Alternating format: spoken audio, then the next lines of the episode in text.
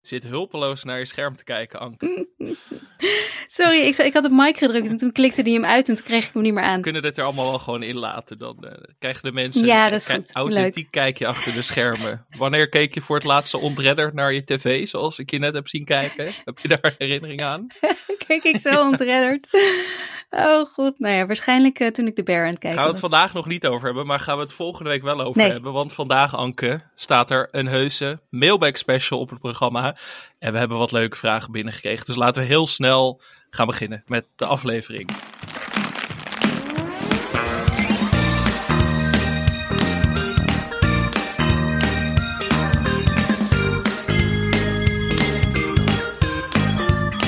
Skip intro.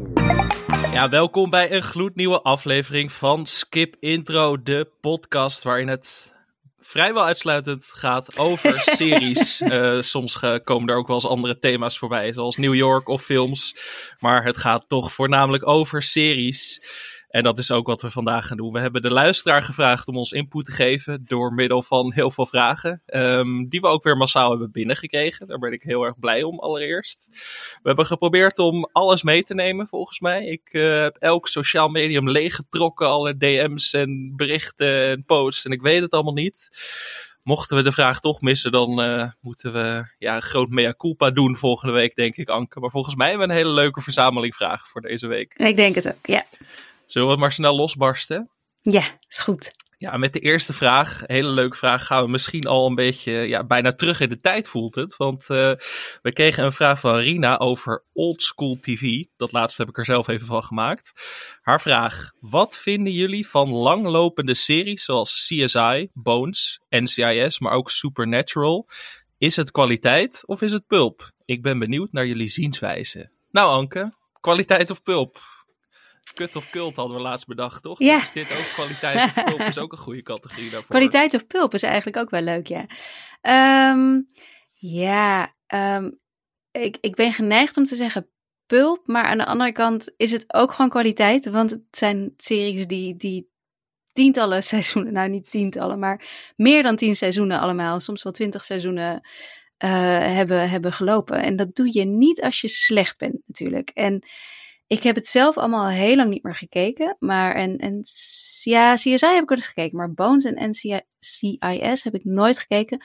Maar Supernatural keek ik echt lang, lang geleden. Toen ik in mijn, in mijn slaapkamer in Amsterdam een tv had. Zonder enige aansluiting op wat dan ook, zeg maar.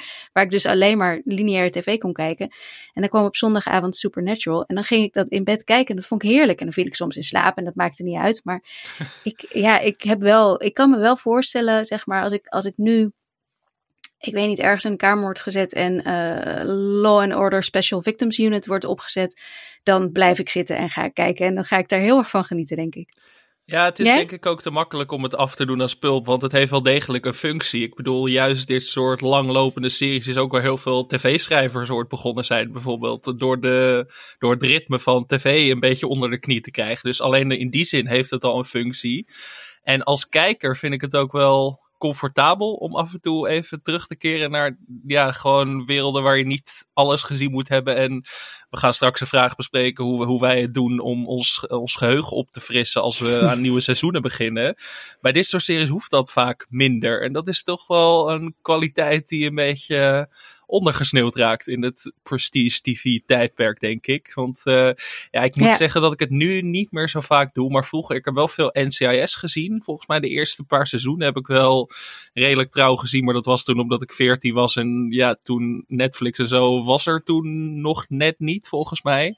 Dus dan keek je gewoon dat soort dingen op tv en de flikken Maastricht van deze wereld en dat soort series. dus ja, ik, uh, ik, het is niet dat ik het zou willen afdoen als pulp, om het nou kwaliteit te noemen. Ja, kwaliteit is een eigen soort, denk ik. Ik denk dat dat het een beetje is. Ja, het, het is uh, geen prestige. Nee. Natuurlijk, maar, dat, dat, maar het is zeker een, een belangrijk onderdeel van de, van de hele tv-seriewereld. Ja, Zonder deze, wat je, wat je ook zegt. Ja. Ik mis het in mm -hmm. sommige genres ook wel. Een beetje de meer klassieke sitcoms en zo zijn natuurlijk een beetje ja, weg of zeg maar niet helemaal niet meer in ons blikveld. Dus in die zin hou dit soort traditionele tv. Ik zou het ook wel weer lekker vinden als dat wat meer in mijn bubbel zou komen eigenlijk. Dus uh, nee, pulp zou ik het niet willen noemen. Of het moet gewoon, eh, ja, pulp Fijne met pulp. een functie. Fijne pulp. Pulp met een functie. Functionele pulp. Laten we daarop houden. Functionele pulp. Ehm, volgende vraag van Samuel. En dat gaat niet over pulp. Dat gaat namelijk over animatieseries. Eh, en ik vrees dat dat wederom eh, de bevestiging is dat dat een hele grote blinde vlek is van deze podcast. Want Samuel vraagt: Hebben jullie ook wel eens een animatieserie gezien die jullie zouden aanraden? Op de streamingdiensten is er intussen ook een hoop bijgekomen op dat gebied, zowel westers en Japans, dat voor volwassenen enorm de moeite waard is om te kijken. Volgens mij Nou, hebben we het wel eens eerder besproken, Ja. Anke. ja, het zou me niks verbazen als die vraag toen ook van Samuel kwam. En dat hij gewoon dacht, hebben jullie nu inmiddels alles eindelijk gekeken naar Ja. een animatieserie?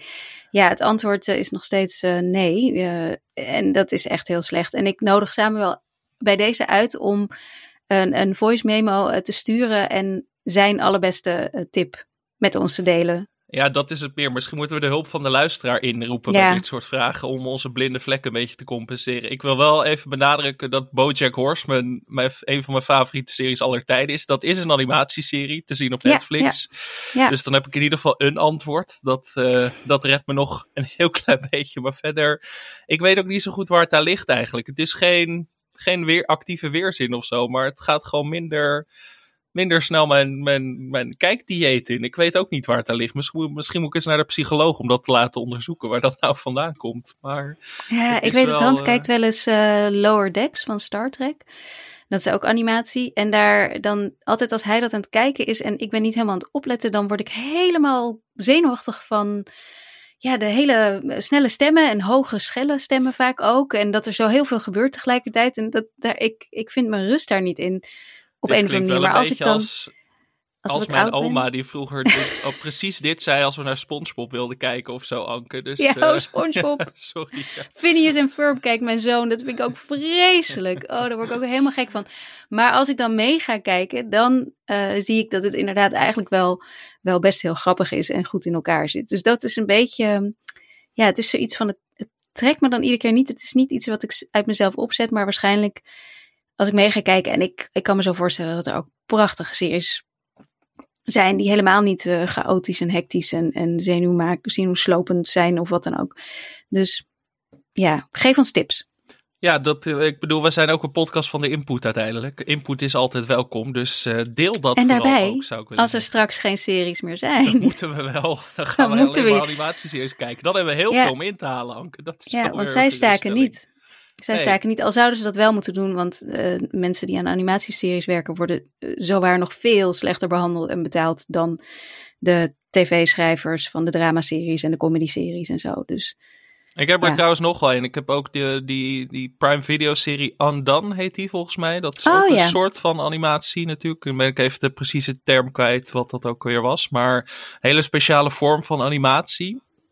En dat gaat dan over een, eh, een jong meisje die de dood van haar vader een soort van ongedaan probeert te maken. En dat vond ik wel echt een van de meer indrukwekkende series die ik de afgelopen jaren heb gezien. Dus eh, dat nou, laat dan, het een eh, doel zijn eh, voor na de zomer. Dat we onze blinde vlek gaan wegwerken wat betreft deze, dit genre.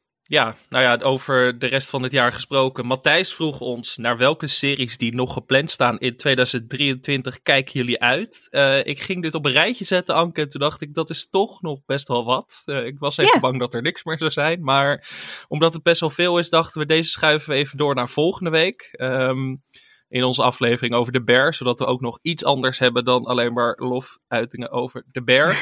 Eh, dus deze nemen we mee naar volgende week. Dan gaan we even bespreken van welke series eh, zijn onmisbaar in de rest van 2023 en waar kijken we het meest naar uit. Dus dit is een eh, teaser van heb ik jou daar voor volgende week. Dan moet je wel gaan luisteren natuurlijk weer. Ehm, ja, ik weet niet hoe het met jou zit Anke, maar Zomergast is weer begonnen. Ja, jij kijkt dat natuurlijk. hyped? Ja, fan? Ja, ik zie jou echt kijken van nee, ik, Ja, eh, nee, ik, ik ik- waag me er niet aan. Ik denk dat ik het al 15 jaar niet meer heb gekeken, als ik eerlijk ben. Nee, het is ook. Jij- het is maar jij kijkt het het zijn wel drie natuurlijk. Jij afleveringen moet van de serie op één avond. Dus op zich, Ja. eh, het is, het is voor. Maar jij moet erover kijk het schrijven. Uiteraard wel.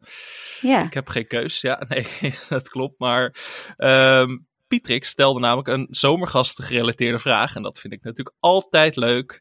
Gezien zomer, aangezien zomergast er weer begonnen is, wat is een serie die niet mag ontbreken in jouw ideale tv-avond? Die mogelijk ook iets over jezelf vertelt. Nou, Anke. Uh, ja, ik dacht, wil jij niet beginnen anders? Want misschien dat ik, uh, anders begin ik iedere keer en dan maai ik het gas voor je voeten weg of zo. Misschien wil jij een keer beginnen. Oeh, ik denk uh, ik dat ik als keuzefilm... ja, ik, ik schrik hiervan. Nee, ik zou als keuzefilm gaan voor aflevering 8 uit seizoen 3 van Twin Peaks. De mensen die het gezien hebben weten waar ik het over heb. Um, ja, kijk, het gaat veel over de film Oppenheimer in de bioscoop. Maar er is, zeg maar, die vond ik ook heel goed. Maar Lynch deed het wel beter. Atoombommen en dat soort dingen. En dat zit in aflevering 8 van seizoen 3 van Twin Peaks. Dus uh, dat zou mijn keuzefilm zijn. Dat kan best een aflevering van een serie zijn, toch? Ik bedoel, ik denk dat ze er bij de VPRO wel een uitzondering voor willen maken. Ja, en verder zou het gewoon, denk ik, een, een verzameling hoogtepunten worden uit de usual suspects die we elke week al noemen. Dus uh, een beetje Zonnetje in huis. Beetje zonnetje in huis, een beetje de leftovers. Uh, ja. ja, wat, wat doen we nog meer? Misschien uh, iets van Curb Your Enthusiasm, zodat ik het een uur over Larry David en zijn visie op de wereld kan hebben. Ik denk dat dat uh, goed zou zijn om dat te verspreiden over het Nederlandse volk. Dus ik denk dat het een beetje in die hoek zit. Maar uiteindelijk gaat het natuurlijk wel, als het gaat om een serie die niet mag ontbreken, is het Twin Peaks. Want dat vertelt denk ik het meest over mij als kijker. En Twin Peaks is de serie die mij het meest um, verliefd maakte op het concept televisie en wat je er allemaal mee kan doen. Dus ik denk dat dat het beste past. Nu mag jij, Anke. Mooi. Ja, ja jij denkt er inderdaad na over de, de, de, de film uh, van de avond. En dat, de, je kunt zien dat ik al heel lang geen zomergast heb gekeken, want zo dacht ik er niet aan. Maar ik ben wel voor afleveringen gegaan. Mm. Uh, omdat een hele serie is natuurlijk uh, weer iets te veel voor één tv-avond. Nou, dat is bijna um, net zo lang dan... als zomergasten zelf, dus op zich. Ja, precies. Ja, oké. Okay. Nou ja, ik, um, dan, zijn, dan, ja, dan zijn het gewoon maar eigenlijk een aantal van mijn favoriete afleveringen. Um, en de, de, ja, het, het zijn een beetje de usual suspects ook. Voor mij is het uh, Two Cathedrals van The West Wing, die ik erg, erg mooi vond. Uh, recent Long Long Time van The Last of Us natuurlijk. Dat is gewoon eentje die je makkelijk op tv kunt uitzenden. En die kan, kunnen mensen kijken die voor de rest niet weten waar ze naar aan het kijken zijn. Um, Connor's Wedding vond ik, is als je dan wil laten zien wat, wat fenomenale televisie is, dan vind ik dat die daar wel uh, bij past. Maar ja, als je erin valt, dan snap je er helemaal niks van. Dus ik vond dit nog best wel moeilijk eigenlijk. Ik vond dit best ja. wel moeilijk. Je hebt natuurlijk uh, Pine Barren van The Sopranos, wat een van de grappigste afleveringen televisie ever is. Um, uh, maar als ik dan echt, echt nu moet zeggen van welke twee ik met mensen wil delen, dan zijn dat de finale van Fleabag. Dat zegt alles over mij, denk ik. Mm -hmm. Uh, en een aflevering die nog niet in Nederland te zien is, maar wel over een paar weken. En dat is Forks van The Bear. Van het nieuwe seizoen, wat over uh, een week of iets meer uitkomt. Dus die. Uh, ja, ik uh, kan het alleen maar beamen, maar ik zal er verder niks over zeggen om nee, spoilers te voorkomen. Nee. We zullen ook niet zeggen welke aflevering het is, want elke vorm van spoiler is een spoiler. Uh, zoals iemand ooit tegen mij zei, dat ik vond... Zo'n nee, Cruyffiaanse... Ja, ja, dat vond ik wel echt... volgens mij reageerde iemand dat op Twitter, van elke vorm van een spoiler is een spoiler. Dat ik dacht van, dit, dit is een wijsheid waar ik niks tegen in te brengen heb. Dat nee, is, nee, iedere spoiler is een spoiler. Nee, ik, oké. Okay. ja, ja, ja, ja, daar is lang over nagedacht ook. Uh, de vraag van Remco, de eerste vraag van Remco over serie moeheid. Um, Remco zegt namelijk: Ik heb wel eens periodes dat ik even geen zin heb om aan een serie te beginnen. Dan kijk ik liever even een film met een begin en een einde. Hebben jullie dat ook wel eens? Of is dat iets waar jullie gewoon overheen zetten om, omdat jullie ook beroepsmatige kijkers zijn? Hmm.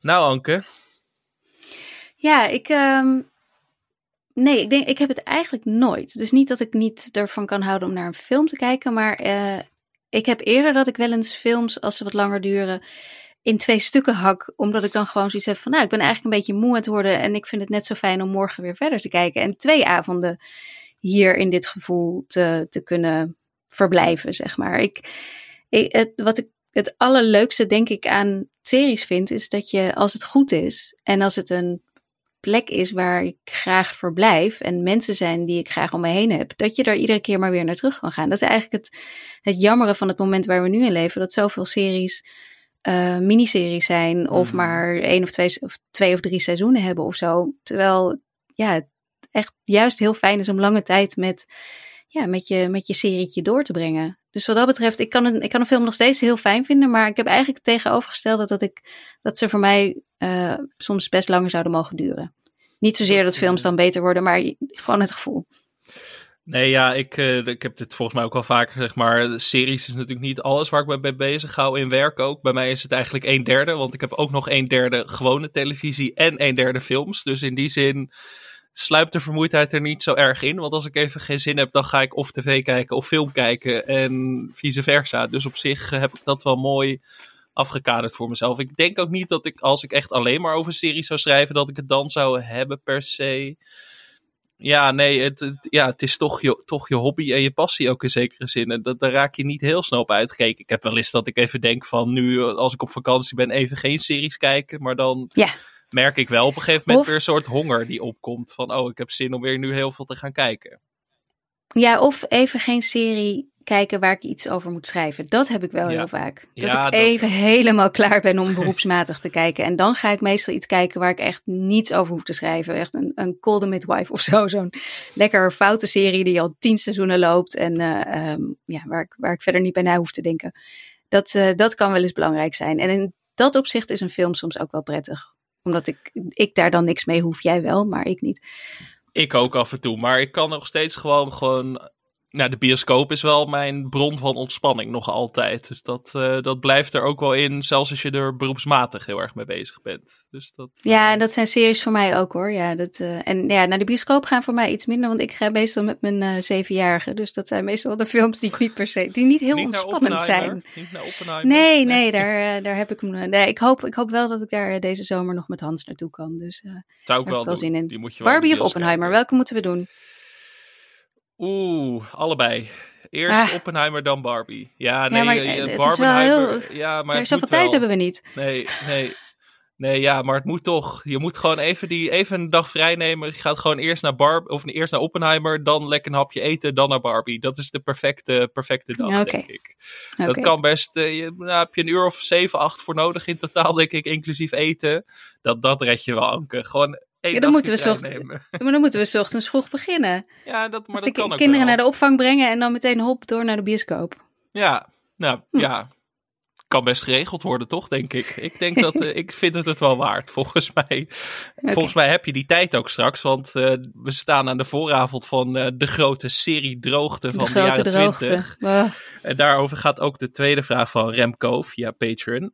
Ehm, hij zegt, ik weet dat Alex ook fan is van de Sopranos en dat Anke de serie ooit één keer heeft gezien. Mag ik Dat- even onderbreken? Wat is dit nou weer voor iets geks? Heb ik, heb ik, heb ik het idee eh, de wereld ingeholpen dat ik de Sopranos gewoon maar één keer heb gezien en verder niet zo belangrijk vind? ja, je hebt altijd gezegd dat je het een overschatte serie vond. Ja. Die rewatchable is. Ja.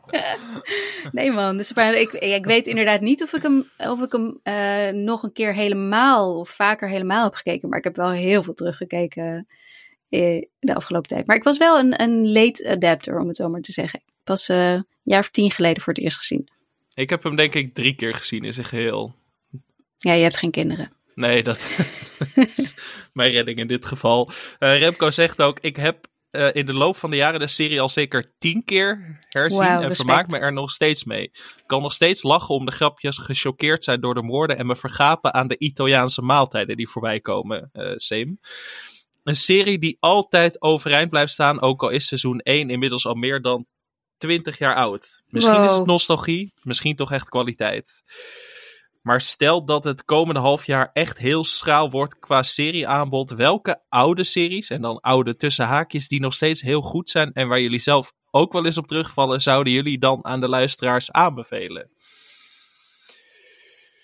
Ja. Ja. Anke, we kunnen heel veel kanten op hiermee. Maar ik zit hier zelf ook wel over na te denken. Ik ben wel een beetje in zo'n fase dat ik denk... eh, een beetje wat oudere dingen terugkijken of opnieuw kijken. Daar heb ik best wel zin in. Ehm, Volgende week ga ik het wel even kort hebben... in ons overzicht van series waar we naar uitkijken... over de Justified revival die eraan zit te komen. Ik ben Justified ook weer vanaf het begin aan het herkijken. En dat is een van de meest plezierigste series ooit gemaakt. Dus ik zou zeker de luisteraar willen aanbevelen... om die een keer een kans te geven. Die is ook pas 10 jaar oud of 12 jaar oud, geloof ik. Dus dat valt nog wel mee. Al is het voor sommige mensen, is alles uh, oud wat langer dan twee jaar geleden is. Justified staat volgens mij in zijn geheel op Disney Plus. Maar die, die springt heen en weer van streamingdienst naar streamingdienst volgens mij. Dus uh, op het moment van opnemen staat hij op Disney Plus. Ik ben zelf wel, denk ik, klaar voor een fase waarin ik The Wire weer eens ga kijken. Want ik heb het idee dat ik die te vroeg in mijn serie loopbaan heb gezien. Waardoor ik het niet misschien op waarde schat zoals de rest van de wereld dat doet. Um, we hebben het er volgens mij wel eens over gehad dat, dat die niet in de top drie van ons aller tijden zou staan, denk ik. En dat geldt voor heel veel mensen wel. Dus misschien, ik heb de serie denk ik tien jaar geleden al gezien of zo voor het laatst. Dus ik moet dat even weer opnieuw opfrissen, denk ik, voor mezelf. En verder, um, ja, wat heb ik zelf laatst? Ik heb Seinfeld dus helemaal weer in zijn geheel opnieuw gezien. En dat zou ik ook iedereen willen aanraden, want die serie is nog ouder, maar die is amper gedateerd. In nou, een paar opzichten misschien, maar in de meeste opzichten nog hartstikke Zelfs de mode. tijdloos. Zelfs, de, mode is weer helemaal terug. Daarom, dus die kun je moeiteloos kijken. Dat staat natuurlijk in zijn geheel op Netflix. Ja, ja, ik, uh, ik weet dat wij uh, even, um, toen we merkten dat er niet echt een serie aankwam om te gaan recappen. En toen we dachten dat we misschien nog tijd daarvoor zouden hebben, uh, heb, heb ik wel even nagedacht van welke serie zou ik dan nu heel graag willen gaan recappen. En dat, dan kom ik toch altijd weer uit bij de leftovers. Mm. Um, gewoon omdat, ik dat, omdat dat een serie is die ik, um, ja, die ik zo graag nog verder wil ontleden. Zeg maar, omdat, omdat ik hem gewoon zo bijzonder vind. Um, maar dat is geen verrassing, want dat noem ik volgens mij iedere keer. Ik heb, uh, ik heb recent samen met Hans Band of Brothers weer opnieuw gekeken. En dat vond ik uh, ook echt wel heel erg tof. Dat had ik al, uh, nou, sinds dat die uitkwam ongeveer. Dus 2000, nou het zal bij ons 2002 zijn geweest waarschijnlijk. Heb ik dat, eh, had ik hem niet meer gezien. En ik zat dus ook echt heel vaak van, oh holy fuck, wat heftig eigenlijk dit allemaal. Hmm. Um, maar heel, heel goed. En heel veel bekende acteurs waarvan je denkt, hey, Oké, okay, zit de Hot Priest van uh, Fleabag erin? Oh, hey, daar heb je Tom Hiddleston. Oh, daar, ja. ja. dat was echt heel bijzonder. Um, en uh, ja, welke ik heel graag zelf al, al waar ik bijna wekelijks wel eens uh, een zoektochtje doe langs alle streamers om te kijken of die er alweer op staat, is Friday Night Lights. Um, en, ja, goeie. Echt, ja, heb je die gezien of niet? Jazeker, ik heb hem op oh, DVD zelfs, omdat hij niet te zien is hier. Maar uh, ja, we gaan het bij een andere vraag straks hebben over een serie die hier ook niet te zien is en misschien wel nooit te zien gaat zijn. Dat is wel, uh, dat zit me wel in toenemende mate dwars eigenlijk. Dat er ja. gewoon best wel wat series zijn die hier misschien wel nooit legaal te zien gaan zijn. En dan, dan ja, of gewoon verdwijnen. Of ja, laatst hadden we verdwijnen, inderdaad. Laatst hadden we Catastrophe, die is dus van Prime Video. Uh, toen was je volgens mij op vakantie, maar die is van Prime Video af. Die is verdwenen. Gewoon hup. Mm. En ik had even gevraagd aan het PR-bureau. Ja, ik had aan het PR-bureau gevraagd van goh, um, waarom en waar is hij heen? Uh, ja. En toen reageerde zij van ja, nee, dat heeft met rechten te maken. En uh, soms dan, uh, ja, dan, dan zijn die rechten weer klaar en dan gaat het ergens anders doen. Toen dacht ik, ja, dat stukje snap ik. Dat wist ik al. Maar waar is die dan nu? Waarom kan ik hem nu niet meer kijken? En dat ja, is heel frustrerend. En hetzelfde geldt voor Friday Night Lights, die ik gezien heb in de tijd dat je het nog kon, kon niet kon, dat kan nog steeds, dat, je, dat we alles nog downloaden eigenlijk. Uh, dus dat ik mm. dan gewoon online las over een fantastische serie, over een high school voetbalteam. Um, en dat iedereen, zeg maar, online was daarover, die een beetje van tv-series hield in ieder geval, was daar echt heel erg laaiend enthousiast over.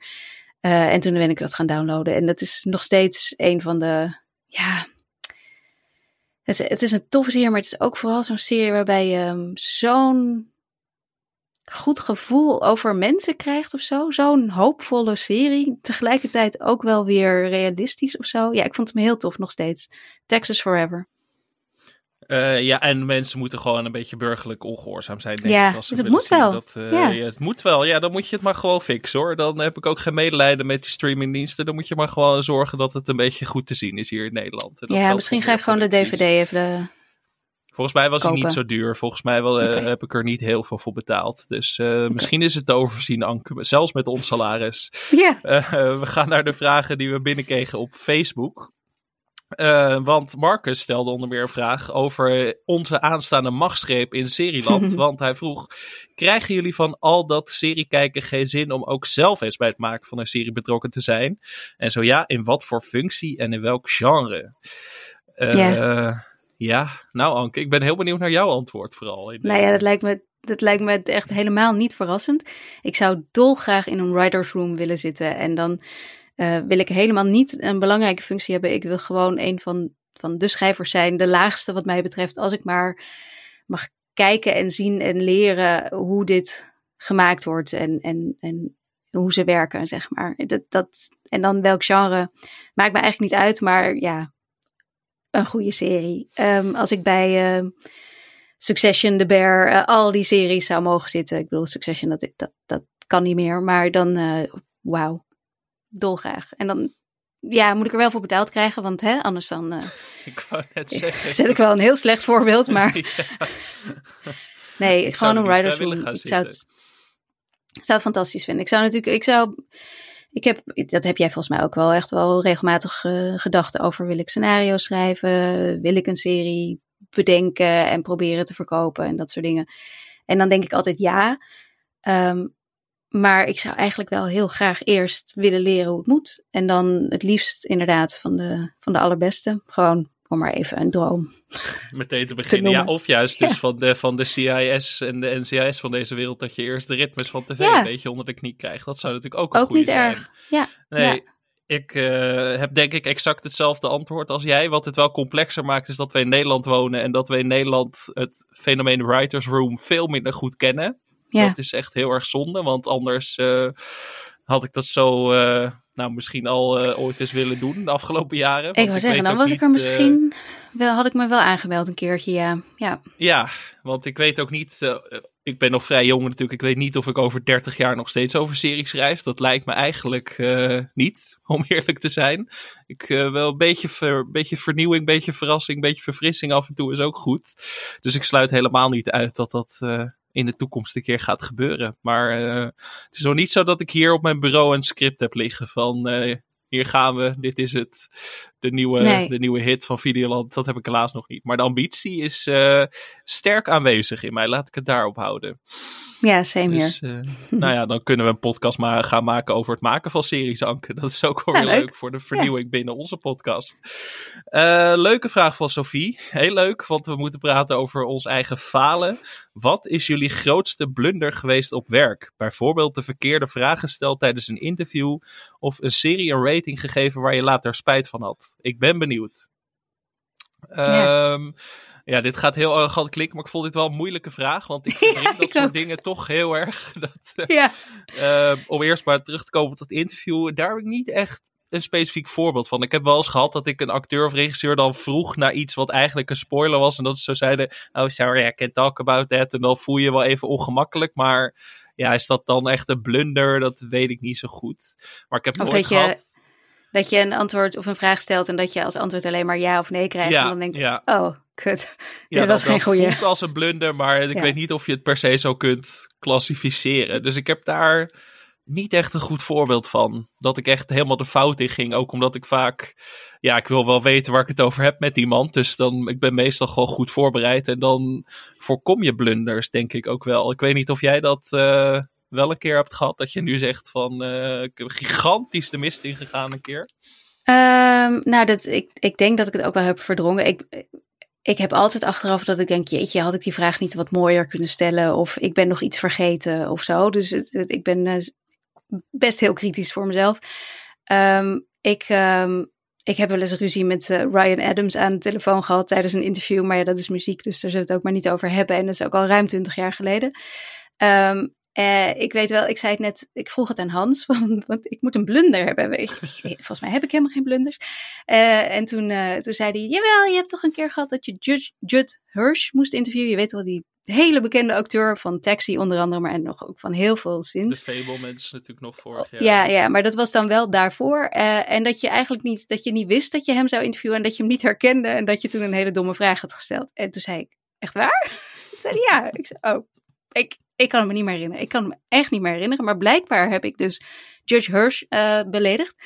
Dat heb ik ooit gedaan. Maar eh, ja, nee, voor de rest, ik, ik, ik weet het niet meer zo goed. Ik bedoel, vast. Ik heb vast hele domme vragen gesteld en dat zelf niet eens doorgehad. Ehm, ik heb ook eh, ehm, vast wel eens iets over een serie opgeschreven wat uiteindelijk keiharde bullshit bleek te zijn of zo. Toen, toen recent de diplomat ehm, uitkwam en ik mijn recensie al geschreven had en het maar zo zo vond en iedereen laaiend enthousiast was, dacht ik, oh wauw, oké, ik, ik ben geloof ik de fout ingegaan. Maar ja. Nee, ja, daarvoor ben je ook criticus volgens mij. Dat is ook wel een beetje wat je loslaat. Want in het begin Ja. van je carrière denk je nog heel erg van, oh, ik heb iets goed beoordeeld wat de rest van de wereld kut vindt. En dan denk je, oh, ik zit je. fout. Mhm, Maar inmiddels moet je gewoon de arrogantie hebben om te denken, de rest van de wereld zit fout en ik zit goed. Want anders Precies. kun je niet echt functioneren, denk ik ook, als criticus slash recensent. Dan maakt, dat ja, maakt je moet een beetje, beetje Ja. vertrouwen krijgen. Dat, eh, en dat lukt ook wel. Dus ik heb ook niet echt een voorbeeld van een serie waar ik recent een beoordeling naar heb gegeven waar ik niet meer achter sta. Misschien wel eens dat ik dacht, hier een ster te veel of een ster te weinig. Maar in de kern is het niet zo dat ik denk van, oh, ik heb die serie vier sterren gegeven terwijl het er één had moeten zijn bijvoorbeeld. Is, Nee. eh, Nee, want daar Nee. sta je dan toch wel achter. Ja, dat, eh, ja, kijk, ik, ben, ik doe dit natuurlijk ook niet al twintig jaar. Ik kan me voorstellen Nee. dat je na twintig jaar wel eens denkt van, oh, ehm, stel ik had twintig jaar The Wire twee sterren gegeven, dat ik nu zou denken, misschien was dat niet de beste mening. maar dat heb ik nu, nee, dat heb ik niet echt. Ik heb niet, eh, ook op dat, ik ben gewoon blundervrij. En jij ook, Anke, dat is gewoon heel nou, ik heb er wel één. Ik heb er één Oh. kunnen bedenken. Ja, Eh, en dat is namelijk dat ik eh, de Sopranos Tour door New Jersey heb gedaan voordat ik de Sopranos had gekeken.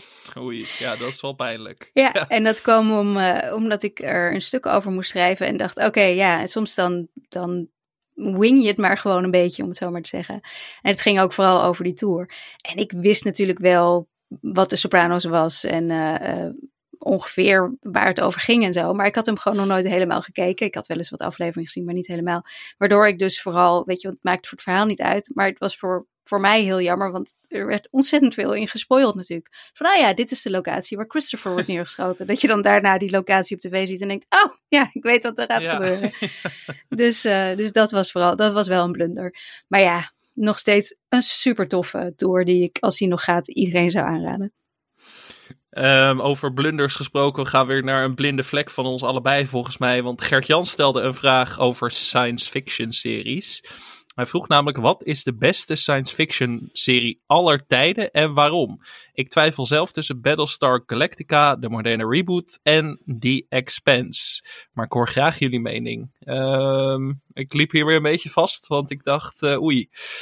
Eh, Ja, ik, eh, ik heb even op Rotten Tomatoes gekeken en Battlestar Galactica is inderdaad de beste sci-fi serie. Dus laten we er...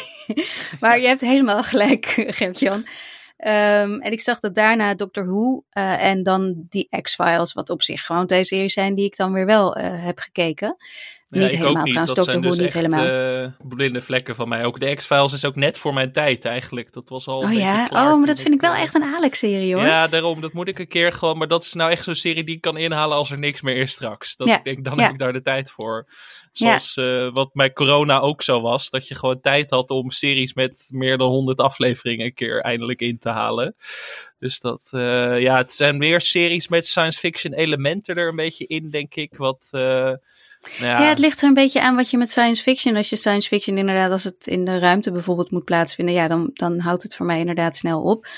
Maar ik ging er even over nadenken. Ik had het ook aan Hans gevraagd. Die zei natuurlijk Deep Space Nine, Star Trek. Ehm, dat, eh, er valt geen spel tussen te krijgen bij hem. Ehm, maar toen, toen hadden we het er even over. En eigenlijk kun je zeggen dat ehm eh, Andor science fiction is. Een van de beste series van de afgelopen jaren. Eh eh, Damon maakte eigenlijk alleen maar science fiction. Met Watchmen, Mrs. Davis, eh The Leftovers. Eigenlijk allemaal science fiction. Eh, Severance, Black Mirror. Ja, in die zin is het ook wat je definieert als science fiction. Ja. Zeg maar, als ik denk aan eh, Battlestar Galactica, denk ik aan een heel ander type serie dan, aan, dan bij Severance bijvoorbeeld. Dus het is misschien ook de genre-definitie die misschien Ja. een beetje verwarrend is. Dus nou, in die zin eh, kunnen we er genoeg noemen. Ik bedoel, eh, ja, Het je is dus inderdaad- je Black Mirror of je Stranger Ja. Things gewoon noemen. Stranger Things ook. spreken. Ja, ja. Dus wat is ons antwoord dan?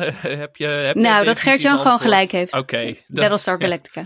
Oké, houden we het daarop. Is Hans daar blij mee, denk je? Of wordt dat ruzie thuis? Eh, ja, misschien. Ja, dat laat ik volgende week wel weten. eh, we kregen ook een vraag van Eli over impact. Welke serie van de afgelopen tien jaar heeft volgens jullie de meeste impact gemaakt? Ja, ehm, als, als je het gewoon over culturele impact hebt, dan is dat Game of Thrones. Ja, dat was ook mijn antwoord. Ik zat daarover na te denken, maar toen dacht ik inderdaad culturele impact, maar ook de hele blockbusterisering van tv. Ja. Uh, streamingdiensten zijn nog steeds heel naastig op zoek naar hun eigen Game of Thrones tussen haakjes. Ik bedoel, dat is de grootste zoektocht van de afgelopen tien jaar. En Ja. niemand slaagt er eigenlijk echt in. Uh, Stranger Things komt in de buurt. Ja, zeker. Maar tv is steeds meer om dat soort grote blockbusters gaan draaien. En steeds meer eh, genre-elementen die daar een rol in zijn gaan spelen. Dus Game of Thrones eh, zou niet eh, in mijn top 10 aller tijden komen. Maar qua impact is het wel een van de grootste series aller tijden. Laten we het daarop houden. Ja, en, en qua tv-momenten staat het wel bij mij hoog hoor. Ja, Want ik heb nee, daar wel een aantal fantastische herinneringen aan. Aan dingen die ik nu maar niet ga noemen voor het geval dat er iemand luistert die Game of Thrones nooit gezien heeft. Maar Nee, we hebben het Ehm, straks ook over plot twist. En daar was Game of Thrones ook heel goed in. Dus in die zin Ja. het totaalpakket aan eh What the Fuck TV en Impact TV is het grootst, denk ik, bij Game of Thrones. ja, Ehm, jammer van het einde. Jammer, jammer van het einde. Hebben we het ook niet meer over. Jorrit stelde een vraag over artificiële intelligentie. Je hebt er misschien wel eens van gehoord. Hij zegt namelijk: kunnen we als kijkers AI niet gewoon boycotten? Oftewel nemen en shamen en links laten liggen. Ik ben bereid om meer te betalen voor doorleefde mensenkunst. Ligt daar in de toekomst misschien een niche kans voor een real deal streamer tussen de AI crap? Want streamers zijn eigenlijk ook veel te goedkoop als je eerlijk bent. Eh, die laatste stelling, ik weet niet of iedereen het daarmee eens gaat zijn. Maar, ja, ik eh, wel. ja? Dat nou ja, net als is. dat, nou, net als dat, dat vliegreizen te goedkoop zijn. Ja, Eh, als je ziet wat het eigenlijk aanricht. Er, ja, nee, de, de streamers die, zijn, die zijn in die concurrentiestrijd en die streaming wars ehm, veel te goedkoop gaan zitten. En tegelijkertijd ongelooflijk veel geld aan het uitgeven geweest om maar die bibliotheken te vullen. En dat, dat heeft nu geleid dat tot, wreekt zich nu. Ja, ja, tot, tot alle, het, het feit dat heel Hollywood stil ligt. Maar ook dat, er, dat de toekomst van, van de serie en de kwaliteit van de serie vooral een beetje op het spel staat.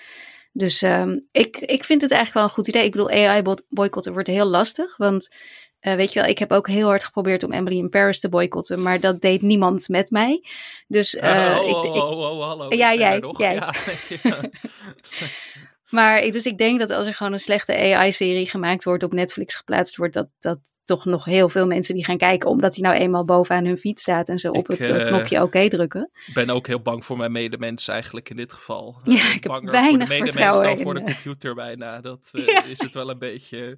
Dus Ja. nee, ik vind Maar het een mooi denk- idee, een boycott. Maar ik vrees toch dat de werkelijkheid weer barstiger is. Al denk ik wel, een computer zou nooit een Succession kunnen maken. Of een The Sopranos of een The Leftovers. Omdat computers geen ziel hebben. En een echte kunst heeft een ziel. Wat eh Jorrit ook zegt, doorleefde mensenkunst. Dat kan een computer Precies. niet namaken. Daar ben ik eh, van overtuigd. En daar blijf ik van overtuigd.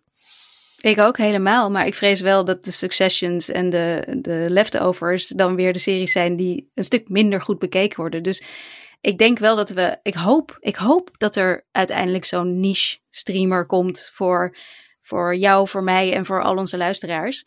Eh, want Oh, daar daar wil ik dan ook best meer voor betalen hoor. Dan zeg ik Netflix met liefde op, bij wijze van spreken. Ja. Maar eh, Ja.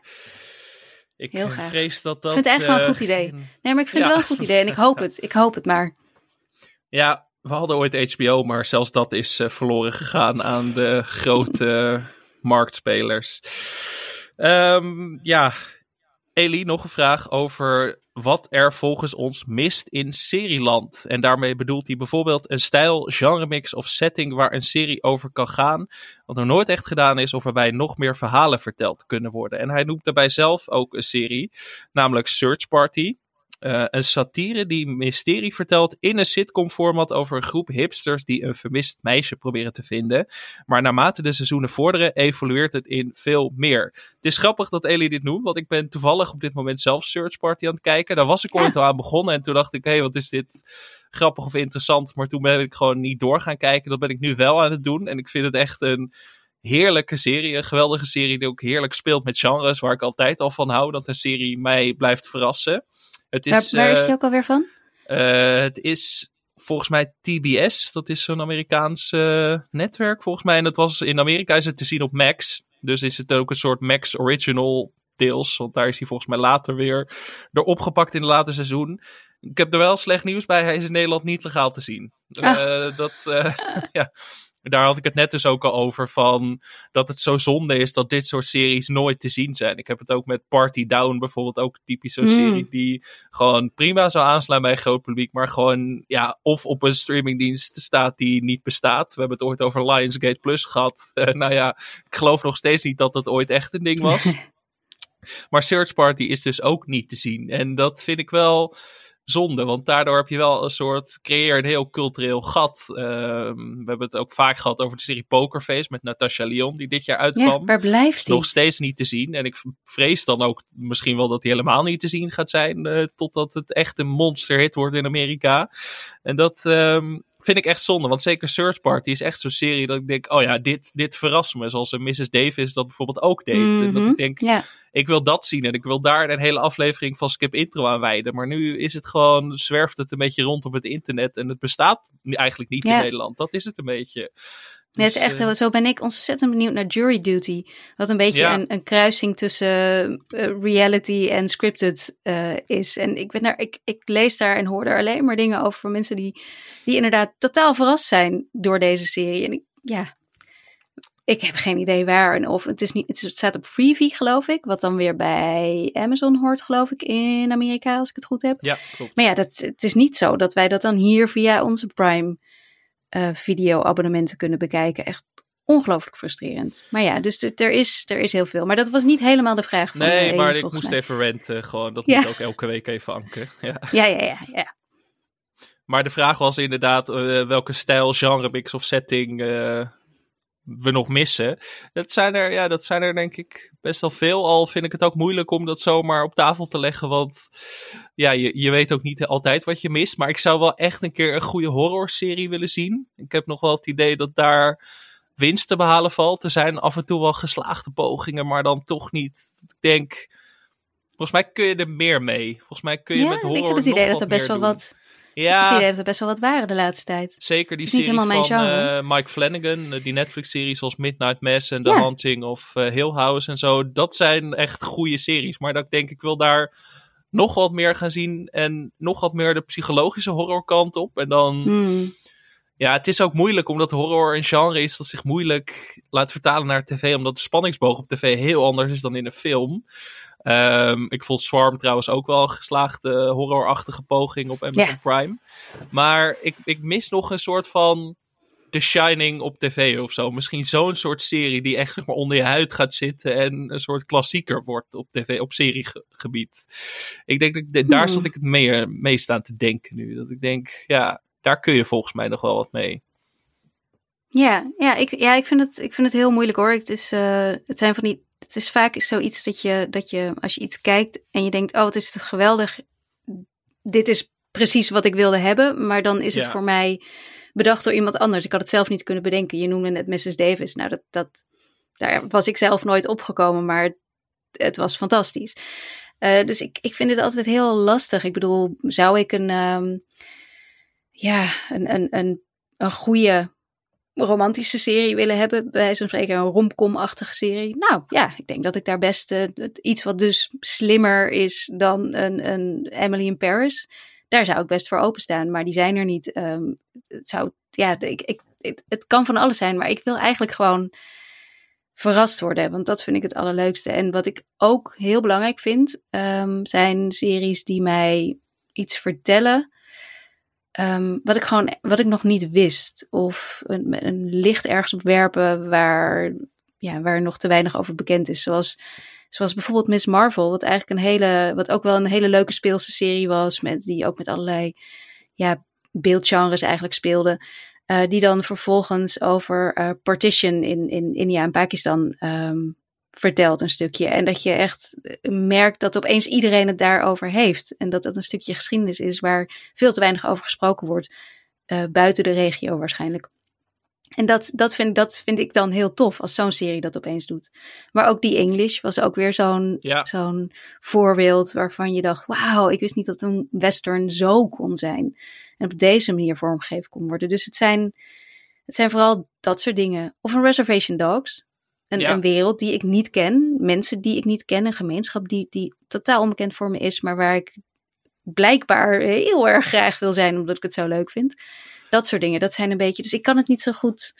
Ja, ik kan het niet Ik zo goed denk ook zeggen. dat we in Nederland dat daar nog wel een wereld te winnen is, zeg maar qua, qua rare gebieden of zo. Of ik denk Ja. van probeer daar eens wat meer mee, qua gemeenschap of zo, en daar een soort schets van te maken. Of eh, weet ik veel. eh, een lijk dat aanspoelt op de Waddeneilanden en dan een hele hechte gemeenschap daar ontregelt. Dat ik denk van Een, waarom eh, probeer je dat niet gewoon een keer hier of zo? En Gewoon een, een, een toffe Brit, Britse crime-serie, maar dan in Nederland inderdaad. Ik dan op de Wadden. Ja, leuk. als het gaat om Nederlandse series. Dat ik denk, speel nog wat meer met genres. Want het is Mhm. vaak historisch drama. Dat ik... eh, dat weet ik nu wel een beetje. Maar eh, speel daar eens mee. Ik mis het vooral in, in het Nederlandse landschap een beetje, denk ik. Van een serie die me echt... eh, dat ik denk, oké, eh, dat, dat verrassingseffect, dat mis ik een beetje. Of weet ik veel, een, een goede politieke satire in Nederland. Ik bedoel, dat leent, het leent zich er perfect voor volgens mij. En dat kan Mhm. best. Maar eh, je moet mensen dan wel de ruimte en het geld geven om dat te gaan ontwikkelen. Dus in die zin denk ik dat er vooral in Nederland nog best wel wat te winnen is. Als het gaat om eh, wat we missen in serieland in ieder geval. Want eh, ja. Ja, Amerikanen ik zeg ja. ons Ik- wel. In ik- de, ja. Ik ga gewoon volledig met jou mee in deze. Ik heb geen idee. Nee, eh, we kregen een vraag van eh, ene Alex. Eh, namelijk bijna... Familie? Nee. Nee, ja, ja ik, ik, ik, schijn, ik schijn hem te kennen. Bijna elke filmster heeft inmiddels wel zijn of haar eigen prestige-serie. Maar van welke filmster of grote acteur hopen jullie dat hij of zij een keer een eigen grote serie krijgt? Ja, Ja, Anke, Vond ik best een lastig. op? Ja, dan merk je toch dat dit de briljante vraagsteller was. Hè? Dat je denkt... eh, nee. nou ja, ik ben eh, uiteindelijk uitgekomen op Nicolas Cage. Goeie, goeie, hele goeie. Ja. Ik denk jeetje, echt dat hij, oh. hij zou of een wilde, absurde actiecomedy, wat dan ook eh, genre, eh, als je het dan over genres met elkaar combineren hebt. Dus daarin zou hij kunnen spelen, maar hij zou ook zomaar een ontzettend gelaagde, indrukwekkende rol in een, in een eh, grauwe, rauwe dramaserie kunnen spelen. Ik zie het hem allemaal doen. En ik ben daar klaar voor. een goed antwoord. Jeetje. ja. Nee, ja, ik, eh, ik had deze vraag zelf gesteld. Maar ik kwam er zelf niet helemaal uit. En dit is een veel beter antwoord dan ik had. Ik zat, ik zat te denken aan Ryan Gosling. Die nu, nu natuurlijk helemaal Ja. hype is door de Barbie-film.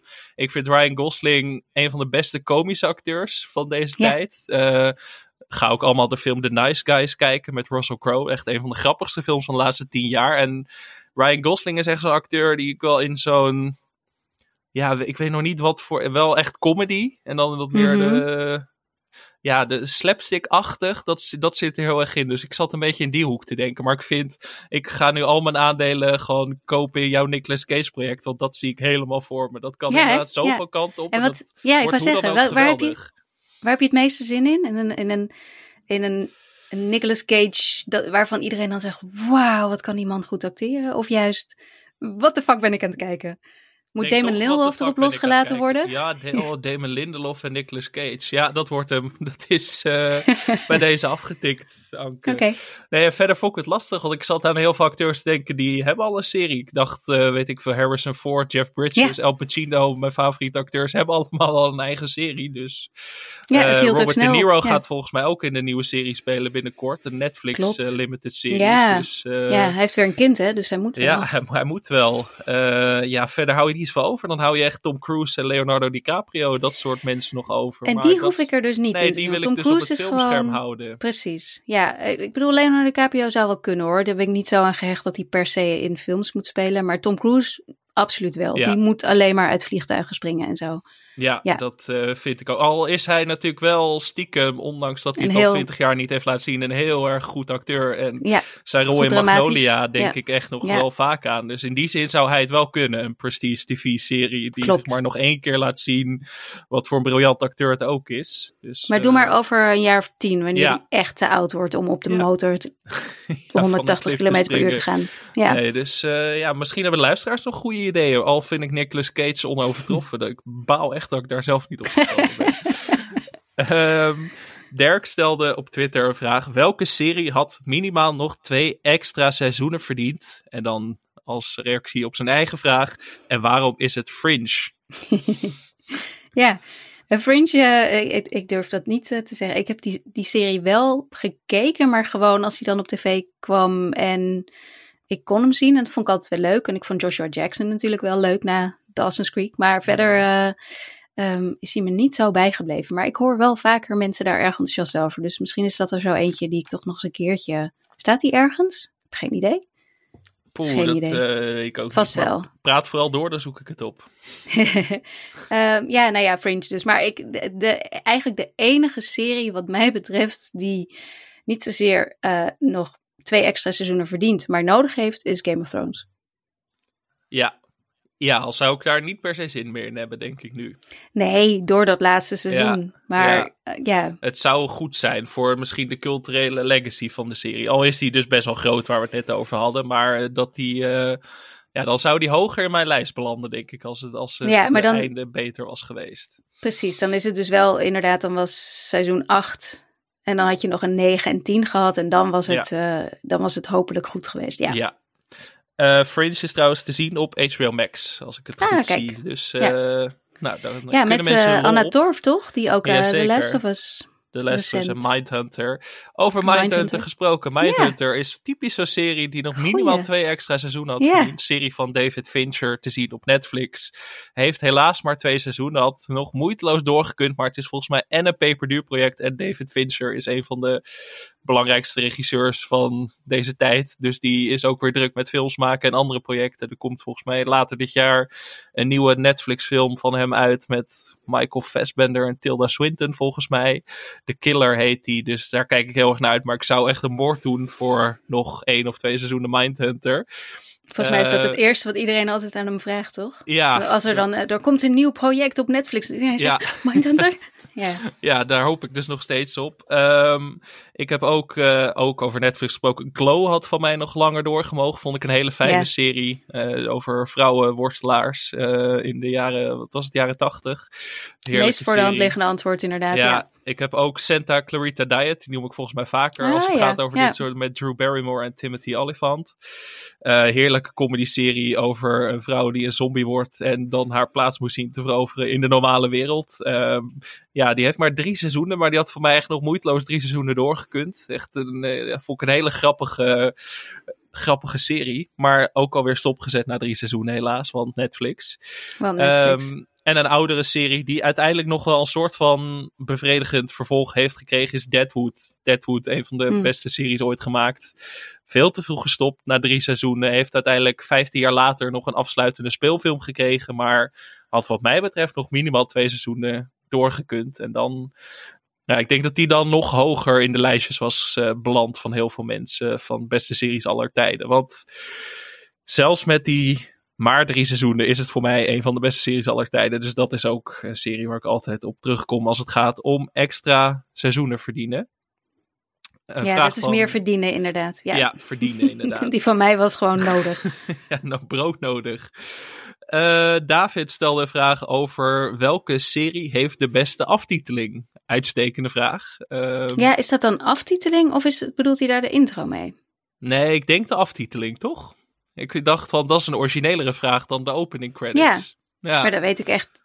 Heb jij daar iets van? Nou ja, wat, wat, wat mij, zeg maar, een goede aftiteling het draait om het liedje. En daar zijn sommige series heel erg goed in. De Sopranos was er altijd heel erg goed in om goede muziek te draaien tijdens needle de aftiteling. Een needle drop, yeah. dat woord zocht ik. De Bear yeah, doet dat stiekem ook heel goed. Ja, ja. Uh, zit vol met needle drops. Bojack Horseman, daar is hij weer. Had ook altijd, altijd, altijd een vast nummer in de aftiteling. Uh, dat nummer, daar bleef ik altijd voor hangen. Dan skip aftiteling was er dan ook niet bij, bijvoorbeeld. dus dat waren de drie voorbeelden die ik had. Maar verder... Ah. ja, en verder als het gaat om beste aftiteling. Maar ik heb wel, als ik denk aan een aftiteling, denk ik altijd aan de titelkaart Executive Producers Vince Gilligan, Peter Gold bij Breaking Bad. Als er dan weer een cliffhanger was, dan kwam dat kaartje altijd in beeld. Mm. En dan dacht je echt, fuck, ik moet weer een week wachten. Dus daar denk ik gek genoeg ook altijd aan als ik denk aan een aftiteling.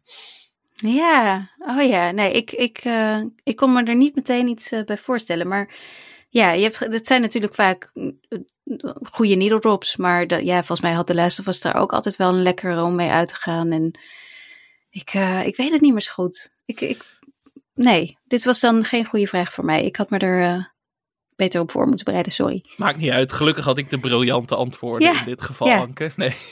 Dat scheelt. Eh, Henry stelde een eh, leuke, maar onmogelijk te beantwoorden vraag bijna. Hij vroeg, wat is de beste en slechtste plot twist in de serie? Zonder spoilers. Eh, nou, dan gaan we niet de spoilers noemen, maar wel de serie. Maar als je dit al te veel spoiler vindt, dan moet je even een minuutje doorscrollen, denk ik. Want sommige mensen worden al boos als ze weten dat er een twist in een serie Ja, zit. ik Dus, hoorde eh, net dat eh, zelfs eh, de hint van een spoiler al een spoiler ja, is. Was daarom. Dan krijg ik die weer achter me aan. Van elke vorm van een spoiler is een Oh, oh, spoiler. dat was het. Ja. Ja. Dus scroll even één of twee minuten door. Ehm, slechtste vond ik moeilijk. Had ik eigenlijk niet zo.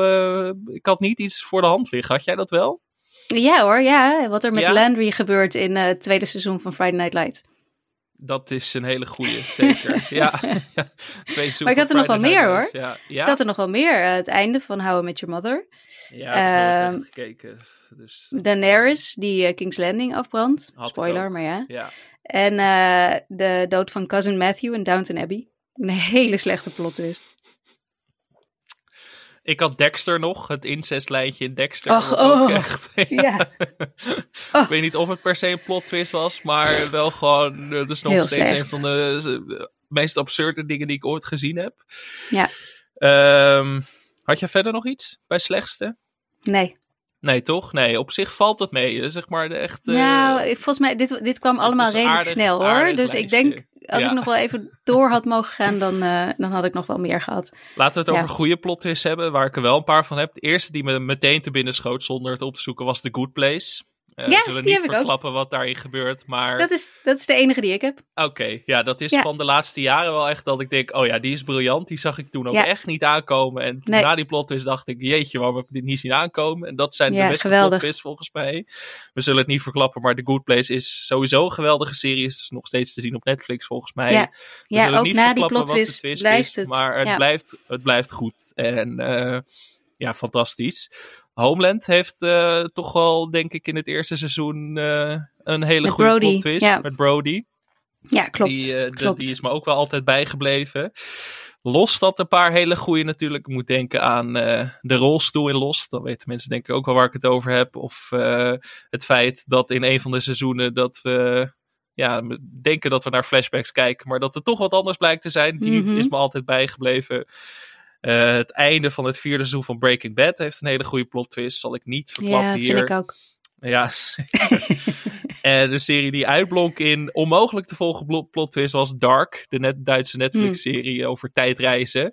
Ehm, als je dat allemaal snapt, dan heeft het heel veel goede plot twist. Ik eh, snap denk ik de helft van de plot twist in, die, in dit geval, maar nee, ik kon toch meer goede bedenken dan slechte. Dus dat, eh, nou ja, misschien Ja. was ik in een positieve bui. Nee, dat, ja, dat is inderdaad wel. Ik, ik kwam vooral bij The Good Place. En inderdaad, er zijn zoveel series met leuke plot twists. Ik ja, bedoel, absoluut. ik, ja, dat, de betere series hebben plot twists en die kunnen klein en groot zijn. En eh, Mrs. Davis was één grote plot twist, iedere tien minuten weer. En dat was ook fantastisch. Dus eh, ja, Ehm, nog wat vragen die we via Instagram binnenkregen. Onder meer van Biewe. Eh, lang bericht, dus eh, ik hoop dat mijn stem het volhoudt. Ik voel me vaak een demente bejaarde als ik na een jaar een nieuw seizoen begin van een serie en amper nog een idee heb van wat er gebeurd is. Hoe dat kale personage ook alweer heette, waarom twee personages elkaars bloed kunnen drinken, et cetera, et cetera. Op Netflix staat er dan nog wel eens een recap van het vorige seizoen, maar ook die voldoet eigenlijk amper. En dus wend ik mij dan maar weer tot YouTube om daar door een amateur, in de beste zin van het woord, gemonteerde uitgebreide recap op te zoeken. Hoe doen jullie dit? Zoeken jullie ook recaps? Eh, kijken jullie hele afleveringen of seizoenen terug? Of vertrouwen jullie de makers dat ze de echt relevante zaken nog wel een keer uitleggen? Of weten jullie alles nog wel en ligt het aan mij? Eh, en dan stelt hij ook nog de bonusvraag: verwachten makers soms te veel van het geheugen van de gemiddelde kijker? Eh, Eh. ik denk niet dat wij, dat, het, eh, dat wij alles weten. In ieder Nee. geval ik niet. Ik ben echt heel erg Nee. slecht daarmee. Ehm, ja, Terugkijken, daar heb ik bijna nooit tijd voor. Zeker niet als ik erover moet schrijven. dat doe ik wel met de echt grote series. Heb ik dat wel vaak gedaan. Omdat ik daar dan tijd voor zocht. Dus eh, de, meest recente voorbeelden: Succession en Better Call Hmm. Saul en Barry. Zeg maar Ja. ook mijn lievelingsseries. Dan is Je het ook geen geen straf om het terug te kijken. Ik heb geen kinderen. en dan is het wel lekker. En dan merk je ook echt dat het je helpt. En dat je nog weet wie Pierce is in Succession en dat soort dingen. En hoe dat allemaal zat. Dat soort dingen. Maar mag ik daar iets op zeggen? Want Zeker. de echte goede series, zoals dus een Succession, eh, waarbij ik dit niet heb kunnen doen, ook al had ik het best willen doen, die hebben dat niet nodig. Ik had inderdaad soms wel eens, "Hè, wat was dat ook alweer? Maar het maakte niet uit. Want nee. Het, het gaat daar niet om. Het is niet, het is niet de bedoeling dat je het allemaal weet. In tegenstelling tot alle Marvel-series die er op het moment eh, uit zijn. Waarbij je moet weten wat eh een personage in die eerste aflevering van dat ene seizoen eh, ooit heeft gedaan. Om te begrijpen wat er in een nieuwe serie gaat gebeuren, zeg maar. Dat, dat hoeft bij Succession niet. Als je nog maar. Ja, als je maar wel ongeveer weet wat, wat de onderliggende verhoudingen zijn, dan kom je er wel. En anders wordt het je wel verteld zonder dat het je verteld wordt, zeg maar. Het, is, het zit goed genoeg in elkaar. Ik had het Ja. echt niet nodig. Ik miste het echt niet. En sommige dingen heb ik waarschijnlijk gemist omdat ik het niet wist. Ik denk dat de kijkervaring absoluut beter is wanneer je nog een hele rewatch hebt kunnen doen of een uitgebreide samenvatting hebt kunnen bekijken of lezen of wat dan ook. Dat doe ik ook wel eens trouwens. Ik ga recaps nalezen nog op eh, Vulture mee. eh, Mhm. zo, hallo. Op Vulture meestal, dat wil ik zeggen. Ja. Eh, omdat ik dat de fijnste recaps vind. Maar, eh, maar ook zonder. Het, het- ja, ik, een goede serie, daar raak je de draad niet zomaar van kwijt. Is mijn, en, als je dan niet weet wie die kale man was, dan is het blijkbaar niet zo belangrijk. Is mijn, is mijn mening hoor, maar misschien zit ik er helemaal naast. Nee, eens wel. En inderdaad, ik pak het ook zo aan dat ik dan even wat filmpjes ga kijken op YouTube of zo. Om even het geheugen op te frissen bij series die dat soms wat meer nodig hebben. Ja. En soms eh, heb ik iets twee jaar geleden voor het laatst gezien. En dan moet ik even weer het geheugen opfrissen. Maar dan kijk ik vaak bijvoorbeeld de laatste aflevering van het seizoen ervoor nog even. Dat zet ook vaak ja, wel dat kan ook. een beetje de toon. Maar Bio, dan- je bent zeker niet de enige Nee, trouwens. ik Nee. denk dat iedereen dit heeft. Tenzij de Ja. mensen echt met de fotografisch geheugen zijn. Maar daarvoor ik kijk ik gewoon te veel series. Dus dat kan ik allemaal Mhm. niet in mijn hoofd stoppen, helaas. Ehm, Henny stelde een vraag Nee, over... wacht, hij had nog de, Oh. de bonusvraag. Hè? Verwachten makers soms te veel van het geheugen van de gemiddelde filmkijker? Ehm, daarvan denk ik dus dat ook de goede. ehm, dat, het, dat ligt eraan. Wij gaan het volgende week uitgebreid over The Bear hebben. Ik heb het tweede seizoen recent gekeken. Ehm, daarin, dat is typisch zo'n voorbeeld. Is trouwens ook voor Succession en voor andere series. ehm, andere goede series. Daarin wordt eigenlijk heel weinig uitgelegd. Het wordt, het wordt niet voor je, voor je op een eh dienblaadje eh, gepresenteerd. Zo van dit is het, daar gaat het over, dit wordt hier. Het is eigenlijk een serie die heel veel verwacht van zijn kijkers. Inderdaad, best wel wat intelligentie ook. Ehm, maar dat is niet te veel, dat is goed. En dan zijn er andere series, zoals de Marvel-series die ik net noemde, die inderdaad van je verwachten dat je, dat je hele kleine details nog weet, omdat ze daarna opeens belangrijk blijken te zijn. Dat zijn de series die het niet goed doen. Dus je, je hebt seriemakers die het heel goed doen, omdat ze jou als kijker meer dan serieus nemen. En je hebt series die ja, het onmogelijke van je verwachten. Ja, dat lijkt me een hele mooie analyse. Daar heb ik niet zoveel aan toe te voegen, Anke. Nee, maar het is... eh, nee, eh, ik, het, ons geheugen is feilbaar, denk ik. En dat geldt voor ons allemaal. En ook als je heel Mhm. veel series kijkt, betekent dat niet dat je alles eh, nog wel weet. Dat heb ik alleen met de series die ik echt... echt heel goed vind. Dat, maar dan ben je dan ook obsessief mee bezig. En dan wil je alles erover lezen. En dan onthoud je het sneller dan dat je gewoon lekker een serie kijkt. En er niet zo heel veel meer aan denkt na afloop, denk ik. Dat zal ook een rol spelen. Ja. Ehm, Henry stelde op Instagram, Inst- Instagram, zo boomer, eh, een vraag over kinderseries. hij, zei, of hij dropt eigenlijk een stelling. Eh, Alfred Junokus Kwak is de beste Hollandse, tussen haakjes van Japanse makelij, kinderserie. Discuss. nou, Anke. ja, ik, eh, ik, ik moet heel eerlijk zeggen dat ik, eh, ik kan me het liedje nog wel herinneren, maar voor de rest, ik vond het volgens mij altijd een beetje een vreselijke serie. Maar Oei, Sorry. dat zal pijn sorry, doen. sorry Eddie. Ik sorry. keek alleen Bassie en Adriaan vroeger, dus we kunnen hier kort over Dat dacht ik al. Dat Dat is, dacht ik al. dat is de Ja. beste kinderserie van Hollandse makelij. Sta ik nog steeds volledig achter. Heeft de tand destijds Nou, prima doorstaan. Ik wil het Sinterklaasjournaal er nog wel even bij Ja. gooien. Maar is dat een kinderserie? Is dat niet stiekem een serie voor ons allemaal? Voor volwassenen, Anke? ja. Zeker. Eigenlijk wel, ja. Nou, Lampje dan? Lampje was ook heel goed. Heb ik nog niet mooi. gezien, helaas. Heel mooi. Heb ik nog niet gezien. Dat is de Eh, enige Björn- Nederlandse serie die ik de afgelopen tien Ja, jaar heb zo. gekeken. Ik wou net zeggen, dat is ook een unicum. Björn stelde nog een vraag over boekverfilmingen. Namelijk, van welk boek willen jullie dat er nog een serie gemaakt gaat worden? Ja, die vond ik moeilijk. Ehm, ik, eh, mijn lievelingsboek Life After Life van eh, Kate Atkinson is verfilmd vorig jaar. Ehm, dat vond ik, vond ik een mooie miniserie, maar had eigenlijk nog wel mooier gekund wat mij betreft. Maar ja, om dat dan nog een keer te doen, dat hoeft niet. Eh, op zich zou ik dan God in Ruins, het vervolg of, of ja, dat is, ja, het vervolg op dit boek, ook van Kate Atkinson uiteraard, zou ik nog wel verfilmd willen zien worden, maar aan de andere kant denk ik dat het ook gewoon een, een historisch, historische dramaserie wordt. Dus hoe vernieuwend of zo dat wordt, weet ik ook niet. Ehm, en toen kwam ik uit op ehm The Midnight Library van Matt Haig.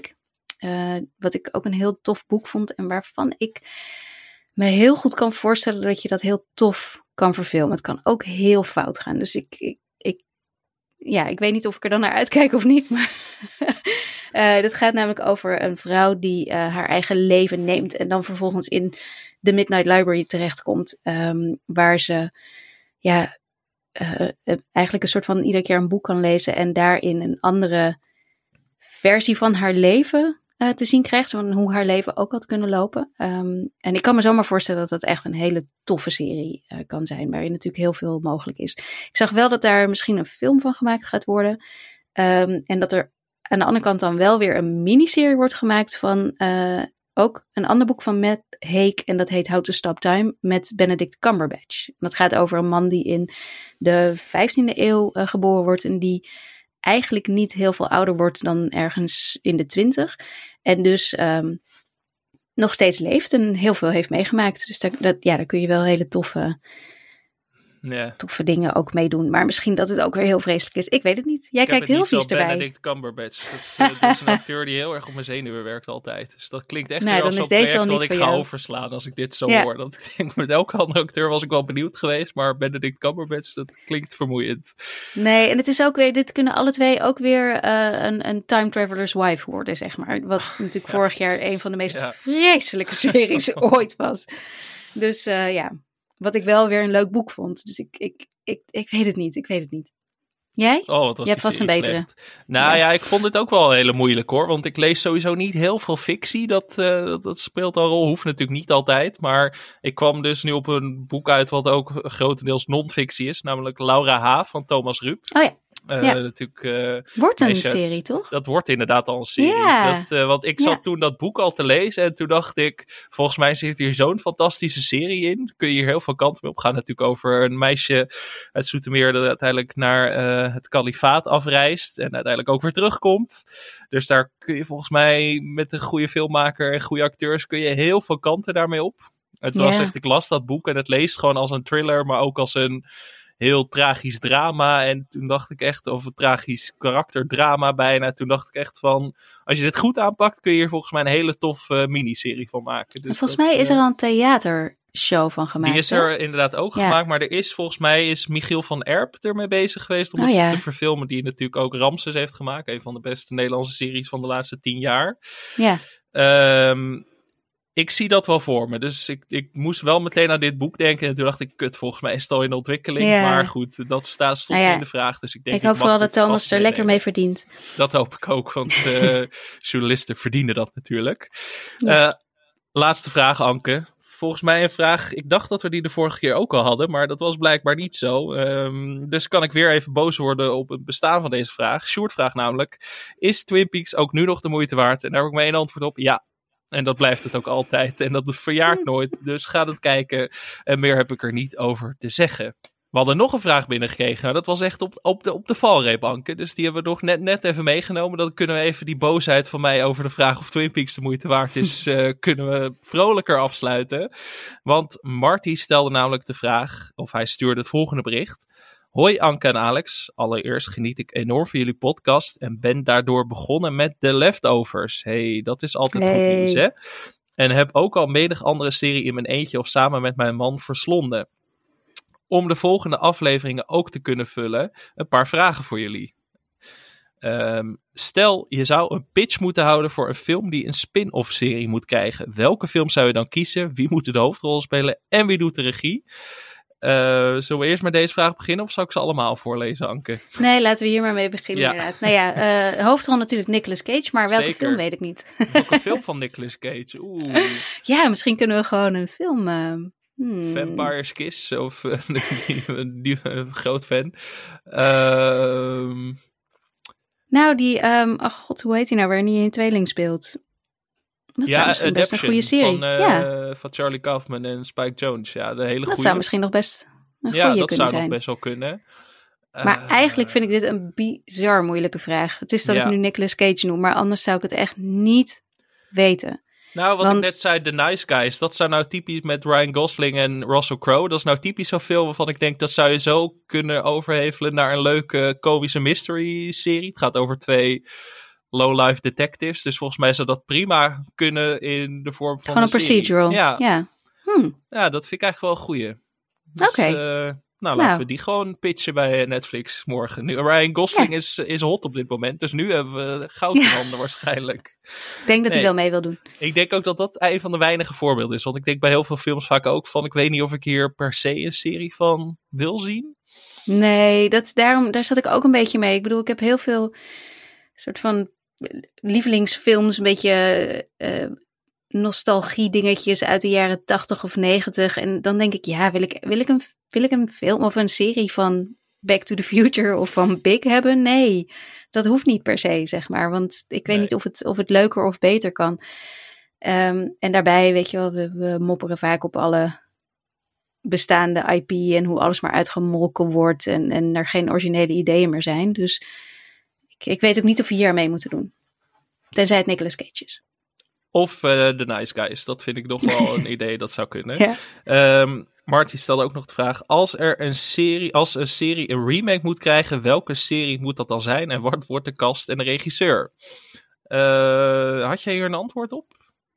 Nee, dat, ja, dat is een beetje hetzelfde antwoord. Dat ik eigenlijk. eh, ehm, waarschijnlijk zijn er hele leuke antwoorden te bedenken. En dan kan ik daar helemaal achter staan. Maar zoals we laatst met Fatal Attraction bijvoorbeeld zagen. Wat dan wel een remake niet van een serie, maar van een film was. Ik- ja, Oh, ja, ja, die was wel echt behoorlijk vreselijk. En waarom zou je het doen wanneer het origineel eh, eigenlijk gewoon best heel oké was? En zeker voor die tijd. Ik, ik, ik weet het niet. En mensen moeten gewoon eigen dingen bedenken. Kijk, dat je een boek of een podcast of zoiets eh, omzet, dat, dat snap ik. Maar iets wat we gewoon al kunnen zien, wat min of meer in hetzelfde medium zit, ik weet het niet. Misschien, misschien had hij even een goed voorbeeld moeten noemen. Want ik zit er een beetje negatief in nu, merk ik. Ja, nou ja, ik weet niet. Ja, ik zat ook wel te denken, zou je een serie als Seinfeld naar de huidige tijd kunnen overhevelen? In de kern wel, maar ja, het is toch Ja, altijd het hoeft gevaarlijk. niet. Het hoeft niet. Ja. Dat is een beetje het probleem. Altijd met remakes.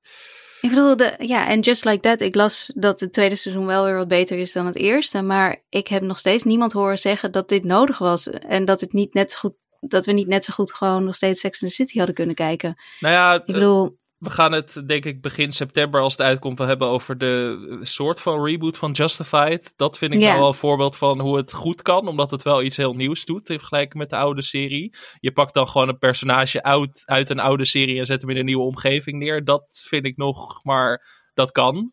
Dat je er de, op die manier dan, dan heeft het nou ook wel iets origineels met een mix van vertrouwdheid. Dat vind ik nog wel een combinatie die soms kan werken. En in dit geval Ja. goed werkt. Dus dat, eh, dan zou het meer dat moeten zijn. Maar volgens mij waren er, had HBO laatst ook plannen voor een reboot of een herstart van Six Feet Under. En dat is dan echt zoiets van ik denk, oh, oh, niet, niet doen. Doe dat in godsnaam niet. nee, die hadden ook een heel goed einde natuurlijk. Daarom. En eh, ik vond die remake van Dexter laatst, die vond ik dus Ja. wel vrij aardig. Die nieuwe Oh, ja? serie. Ja, want dat die laatste paar seizoenen waren echt matig. Maar die nieuwe serie vond ik best wel oké. Ja, Oké. Jij niet, eh, heb ik het idee. Nee. Nou, Nou, nee. wat ik ervan gezien, ik heb niet alles gezien, dus misschien eh, dat dat- vond ik laat ik er niet over vrij, oordelen. Ik vond dat nog vrij bevredigend. Zeker omdat die laatste vier seizoenen van Dexter gewoon ruk waren. Misschien eh, speelde dat ook een rol, maar ik vond dat wel. Ik vond dat nog Hmm. wel aardig werken, laat ik het zo zeggen. Nou ja, dan dat, dus een reboot van Game of Thrones met de laatste twee seizoenen.